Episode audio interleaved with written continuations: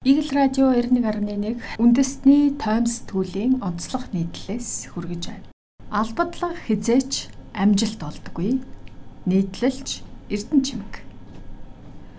Монгол улсын 3.4 сая хүний 1.6 сая нь буюу 48.1% нь улсынхаа газар нутгийн 0.3%-ийг эзлэх Улаанбаатар хотод амьдран сууж байна. Энэ нь зөвхөн бүртгэлтэй иргэдийн тоо цаана нь хэдэн мянган бүртгэлгүй иргэн бий. Нийслэлийн 88 хэсэгт хүн амын нэгтрлийн дээд хязгаарыг давлаа. Төвлөрөл, төгжрөл, бохирдол нь дээд зэгтээ хүрсэн хотын хүн ам нэгтршилтын судалгааг саяхан буюу 2022 оны 11-р сарын 11-ний нийслэлийн засаг даргын зөвлөлийн хуралдаанд танилцуулжээ. Одоо байгаа хүн амын нэгтрлийг тооцож үзэхэд хүн амын тооцоот нэгтрэлийн дээд хязгаар 460 хүн гаагаас хэтэрсэн 88 хэсгийн 733 га талбай байгааг тогтоосон байна. Иймээс дээрх газар орон сууцны барилга бариулахгүй харин шаардлагатай цэцэрлэг сургуулийн барилга барих эс бөгөөс өөр газраар солих гэх мэт шийдвэр гаргах шаардлагатай байгааг нийслэлийн ерөнхий архитектор нацагдорж өгүүлсэн байна. Энэхүү тооцооллыг гаргахдаа хотын суурьшлийн бүсийн 35206 га талбайг авто замын сүлжээгээр 1183 хэсэгт хувааж одоо байгаа болон шинээр барихаар төлөвлөсөн барилгын мэдээлэл тулгуурлан хүн ам барилгажилтын нягтралтын хэмжээг шинчлэн тогтоожээ. Өөр нэг жишээ дуртахад Монгол улсын цорын ганц сая давсан хүн амтай хот болох Улаанбаатар хотын Баянгол дүүрэгт 1 квадрат километрт 7969 хүн амьдарч байна. Хэд чигцэлдсэн энэ хотоо уужуу болгох нь нийслэлийн удирдлагуудыг засгийн газрын шүдний өвчин болгоод байгаа. Үүнтэй холбогдуулан дэлхийн улсууд төвлөрлийг хэрхэн шийдэж хүн амаа хөдөө тарааж чадсан бүтэлтэй болон бүтэлгүй жишээнүүдтэй танилцъя. Нэгдсэн үндэсний байгууллагын шилжилт хөдөлгөөний байгууллага Улаанбаатар хотын шилжилт хөдөлгөөний хязгаарлалтын үр нөлөө болон шилжин суурьшигчдын эмзэг байдлын судалгаанаас бүтэлгүйтлийн жишээнүүдийг төвөрлөн хүргэж байна. Хятадын Hukou систем бүтэлгүйтсэн нь Бүтэлгүй жишээний ихэнд хятадын Хүүкуо системийг онцлие. 1958 онд хятад улсын засгийн газар нь Хүүкоу буюу өрхийн бүртгэлийн системийг үндэсний хэмжээнд нэвтрүүлсэн байна. Өрхийн бүртгэлийг хийхээс гадна энэхүү систем нь орон нутгаас хот руу шилжих хөдөлгөөний хянахад чухал үүрэг гүйцэтгэдэг байжээ.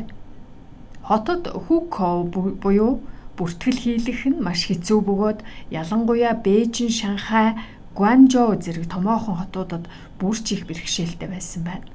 Учир нь хөдөөгөөс хот руу шилжин сууршиж байгаа иргэд нь өргөдлийн хураамж төлөхөөс гадна өндөр орлоготой байх, бизнесийн ур чадвартай байх, гадаадад боловсрал эзэмшсэн байх, төрөл садна нь хотын хөв коутай байх зэрэг шалгуур үзүүлэлтүүдийг хангах хэрэгтэй болдог байжээ. Албан ёсны хөв коутай биш л бол хөдөө орон нутгийн шилжигчд нь хотод ажил эрхлэх боловсрал хүнс, эмнэлгийн үйлчилгээ болон бусад нийгмийн үйлчилгээг хүртэх боломж байдаггүй байсан байна. Хот руу шилжих хөдөлгөөнийг хязгаарласнараа систем нь бүртгэлгүй, бичиг баримтгүй шилжит хөдөлгөөн үүсгэхэд нөлөөлж иргэдээ суур үйлчилгээ авах боломжийг нь хязгаарлаж эмзэг нөхцөл байдалд оруулсан байна. Энэхүү сөрөг үр нөлөөг ойлгосны үндсэн дээр бүгд найрамдах хятад ард улсын засгийн газар нь 2014-өөс 2020 онд орон нутгаас хот руу шилжин сууршиж байгаа 100 сая иргэнд хотын оршин суух хөвгөө зөвшөөрлийг олгосон бөгөөд за 3 саяас доош хүн амтай жижиг хотуудад энэхүү хязгаарлалтыг тавихаа болсон байна. Дараагийн жишээ Нигер улсын бэлчээрийн хориг үр дүн гүйцсэн нь Малаа чөлөөтөө бэлчээрлүүлэхэд хориг тавьснаас болж малчтын үндсэн амжиргаа нь асуудалд оржээ. Ган, цөлжилт зэрэг цагуурын өөрчлөлтөөс болж малаа алдсан малчид нийслэл хотод ирж ажиллаж амьдрах орчноо сайжруулах боломжийг хязгаарласан нь Улаанбаатар хотын шилжилт хөдөлгөөний хязгаарлалттай төстэй санагдж байгаа юм.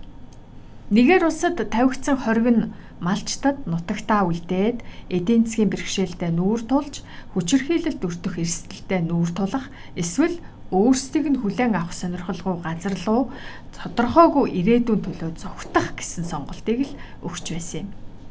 Нигерийн тус хориг нь гадаад харилцааны зөвлөл зэрэг олон улсын оролцогч талуудаас ихээхэн шүүмжлэл хүлээсэн байдаг бөгөөд улс доторх зарим мужи нь энэхүү хоргийн хэрэгжилтийг зарцаагаад байсан юм. Бодлогын мэрэгжилтнүүд нь малчтыг аажимдаа фермер болоход нь туслах, малчтад зориулсан боловсролын хөтөлбөрийг хэрэгжүүлэх зэрэг ялгуурлан гадуурхаагүй үйл ажиллагаа явуулахыг зөвлөжээ. Энэ нь дотоодын шилжилт хөдөлгөөнийг зохицуулахад ямар нэгэн хязгаарласан бодлого хэрэгжүүлэх нь шийдэл болж чадахгүй гэсэн томоохон сургамжийг Монгол улсад өгч байгаа юм. Мянмарын Рохинжа нарыг ялгуурласан нь Рохинжа нар нь Мянмарын баруун хэсгээр байрладаг Рахини мужид байрладаг исламын шашинтай үндэсний цөөх юм. Энэхүү кейс нь шашин үндэс угсаа төрсэн газраас нь хамааран шилжилт хөдөлгөөнд хориг тавьсан хит тууширсан кейс юм. Мямарын засгийн газар нь эдгээр хүмүүст иргэншил олгохгүй хууль бус цагаачд гэж үзэж улс орноор зорчих хөдөлгөөн гол үйлчилгээ хүргэх боломжийг нь хязгаарлажээ. Рохинжа хүмүүс нь орон нутагт үүмээ самун үүсгэж улсын аюулгүй тогтвортой байдалд сөргөөр нөлөөлж байгаа гэж буруутгагддаг бөгөөд энэ нь Мянмарын засгийн газраас тэдгээр хүмүүсийн хөдөлгөөнийг хязгаарлах үндэслэл болно гэж үзэж байсан байна. Сүүлийн хэдэн жилийн хугацаанд олон улсын хүмүүнлэгийн байгууллага хүний эрхийг дэмжигч нар болон бусад улс орон Мямарын засгийн газрыг Рохинжа хүмүүсийг хамгаалах үйл ажиллагаа явуулах талаар шахаж шаардсаар байгаамаа. Албадлага хизээж амжилт олдоггүй. Дээрх жишээнүүдээс Монголд анхаарах ёстой хэд хэдэн зүйл байгааг судалгаанд мөн сануулжээ. Бүтлгүүтлээс Монгол улсад юунд суралцах вэ? Нэгдүгээрт шилжилт хөдөлгөөний хязгаарлалт нь эмзэг байдлыг бий болгох, нийгмийг хуваах, хүчирхийллийн эрсдлийг бий болгох зэрэг нийгэм эдийн засгийн асуудлыг үүсгэдэг гэдгийг ойлгох ёстой болж байна. Эдгээр ялгуурлан гадуурхах бодлогыг ардчилсан чөлөөт зах зээл бүхий улс орнуудад нийтлэг хэрэгэлдэггүй. Тиймээс үүнтэй адил бодлого хэрэгжүүлвэл ардчилсан чөлөөт зах зээлтэй Монгол улс нь дэлхийн тавцанд хүний эрхийн бүлэг олон талт байгууллага засгийн газраас маш хүчтэй шүүмжлэлд өртөх юм а. Тэгвэл одоо сайн жишгүүдийг хүргэе. Монгол улсын хөгжлийн хурдсгуур буцах шилжилт хөдөлгөөнийг эрчимжүүлэх нь сэдвтэ хилцүүлэг 2022 оны 6 дугаар сард зохион байгуулагдсан Энэ үеэр Монгол дахь олон улсын шилжилт хөдөлгөөний байгууллагын хөтөлбөрийн менежер Виктор Лутенко буцах шилжилт хөдөлгөөний олон улсын сайн туршлага сургамжууд гэсэн сэдвээр илтгэл тавьжээ. Төвлөрлөө шийдэж чадсан сайн жишгүүдээс тоомлон хүргэсэн байна. 2020 онд хөгжиж байгаа улс орнуудад 86 сая иргэн буцах шилжилт хөдөлгөөнд оролцсон гэж хэлсэн байна. Казахстаны NBEC хөтөлбөр буюу хөдөлмөрийн нөөцийн хуваарлалт Казахстаны засгийн газраас санаачилж бас санхүүжүүлэн NBEC химээх хөтөлбөрийг хэрэгжүүлжээ. Энэхүү хөтөлбөр нь хүн ам зүүн тэнцвэргүй байдлыг бууруулж хөдөлмөрийн нөөцийг хойд бүс нутгийн аж үйлдвэрийн салбар руу хуваарлах зорилготой. Товчхондоо энэхүү хөтөлбөрийг хэрэгжүүлсэн шалтгаан нь хотоос хөдөөрөө иргэдийг шилжүүлэн суулгах аж үйлдвэрчсэн мужуудаасаа арай хөгжилд ороо байгаа мужууд руу хүмүүсийг татан сууршуулах гол агуулгатай хөтөлбөр байжээ. Хөдөлмөрийн зах зээл дээр байгаа ажилгүй боловсон хүчнийг яаж илүү оновчтой шилжүүлэх вэ гэдгийг шийдэл олох гэж энэхүү хөтөлбөрийг хэрэгжүүлсэн байна. Хөтөлбөрийн хүрээнд нийтдээ 9206 хүнээс орон нутаг руу шилжсэн байдаг бөгөөд 770 нь нүүрсний дараагаар буцаж нүүрсэн байна. Тэдний нүүх шалтгаан нь орон нутгийн уугуул иргэдтэй холбоотой бөгөөд шилдсэн иргэд очсон нутагтаа уугуул нутгийнхантай нэгдэж чадахгүй тохиолдлууд гарсны улмаас иргэн ирсэн байдгийн байна. Харин нутгийн иргэдийн дэмжлэг маш чухал байсныг хэлээд уугуул нутгийн иргэд хэдий чинээ халуун дотноор хүлээж авна төдий чинээ эдээшилж шин ирсэн газартаа удаан сурших нөхцөл бүрдэж байжээ. Дараагийн жишээ бол Бангладешийн эмзэг бүлгийн иргэдийн нүүлгэлт. Дараагийн сайн жишээгээр Бангладешийг нэрлэжээ. Тус улсын хувьд орлого багтай эмзэг бүлгийн хүмүүсийг хотоос хөдөө рүү нүүлгэн шилжүүлжээ. хөдөө орон нутагт өсөлтийн төвүүдийг байгуулж тэдгээрээр дамжуулж эмзэг бүлгийн хүмүүсийг хөдөө орон нутг руу шилжүүлэн сууршуулсан байна.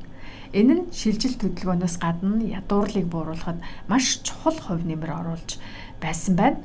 Автозамуудыг барьж хөдөө орон нутгийн хөгжлийг дэмжиж За хөдөө орон нутагт газаргүй тариаланчид ядуу эмэгтэйчүүдэд ажлын байрыг бий болгож өгсөн байна. Мөн бизнесийн зээлийн хүртээмжийг баталгаажуулсан ч нэмэр тусаа үзүүлсэн байна.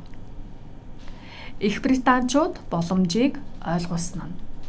Их Британи улсын хувьд бизнес эрхлэгчид, залуу төгсөгчд орон байртай хүмүүс рүү чиглэсэн хөтөлбөрийг хэрэгжүүлсэн байна. Хөдөө орон нутагт шилдэн суурьсан иргэдэд татварын дэмжлэг үзүүлэхээс гадна хөдөөрөө нүүх зардлыг шийдвэрлэж өгчээ.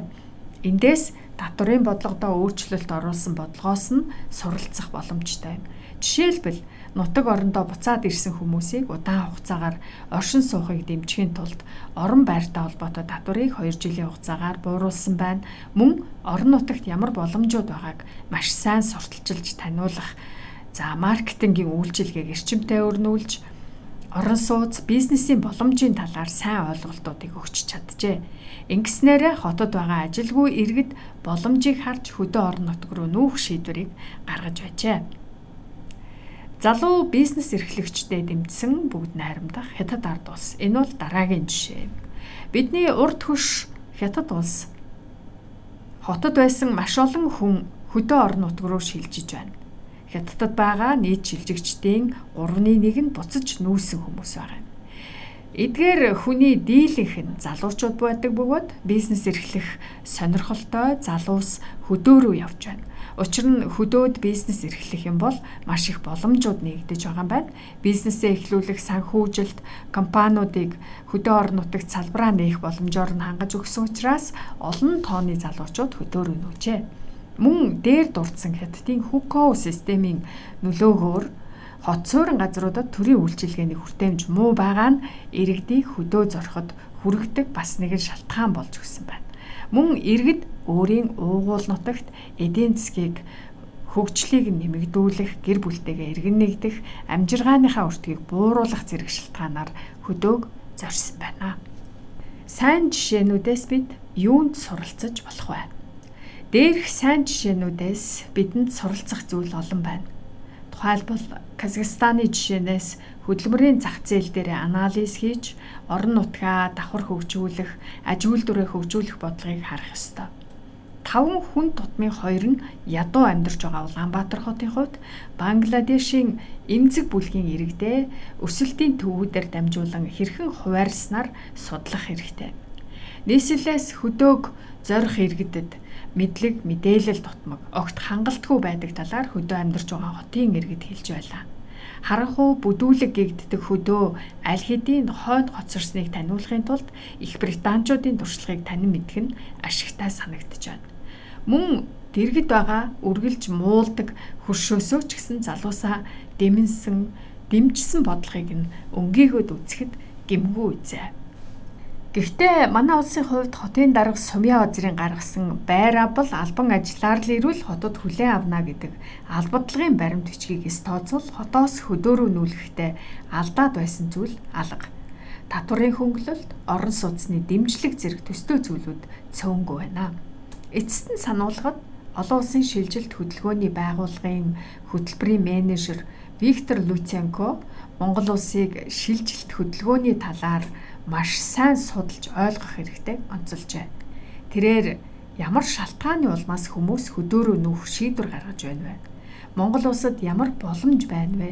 Шилжит хөдөлгөөнд нөлөөлж байсан хүн хүчин зүйлүүдийн мэдээллийг сайн цуглуулж ямар зорилт бүлгүүдэд хандах вэ гэдэг судалгааг маш сайн хийж байж бодлогоо боловсруулах хэрэгтэйг зөвлөсөн байна.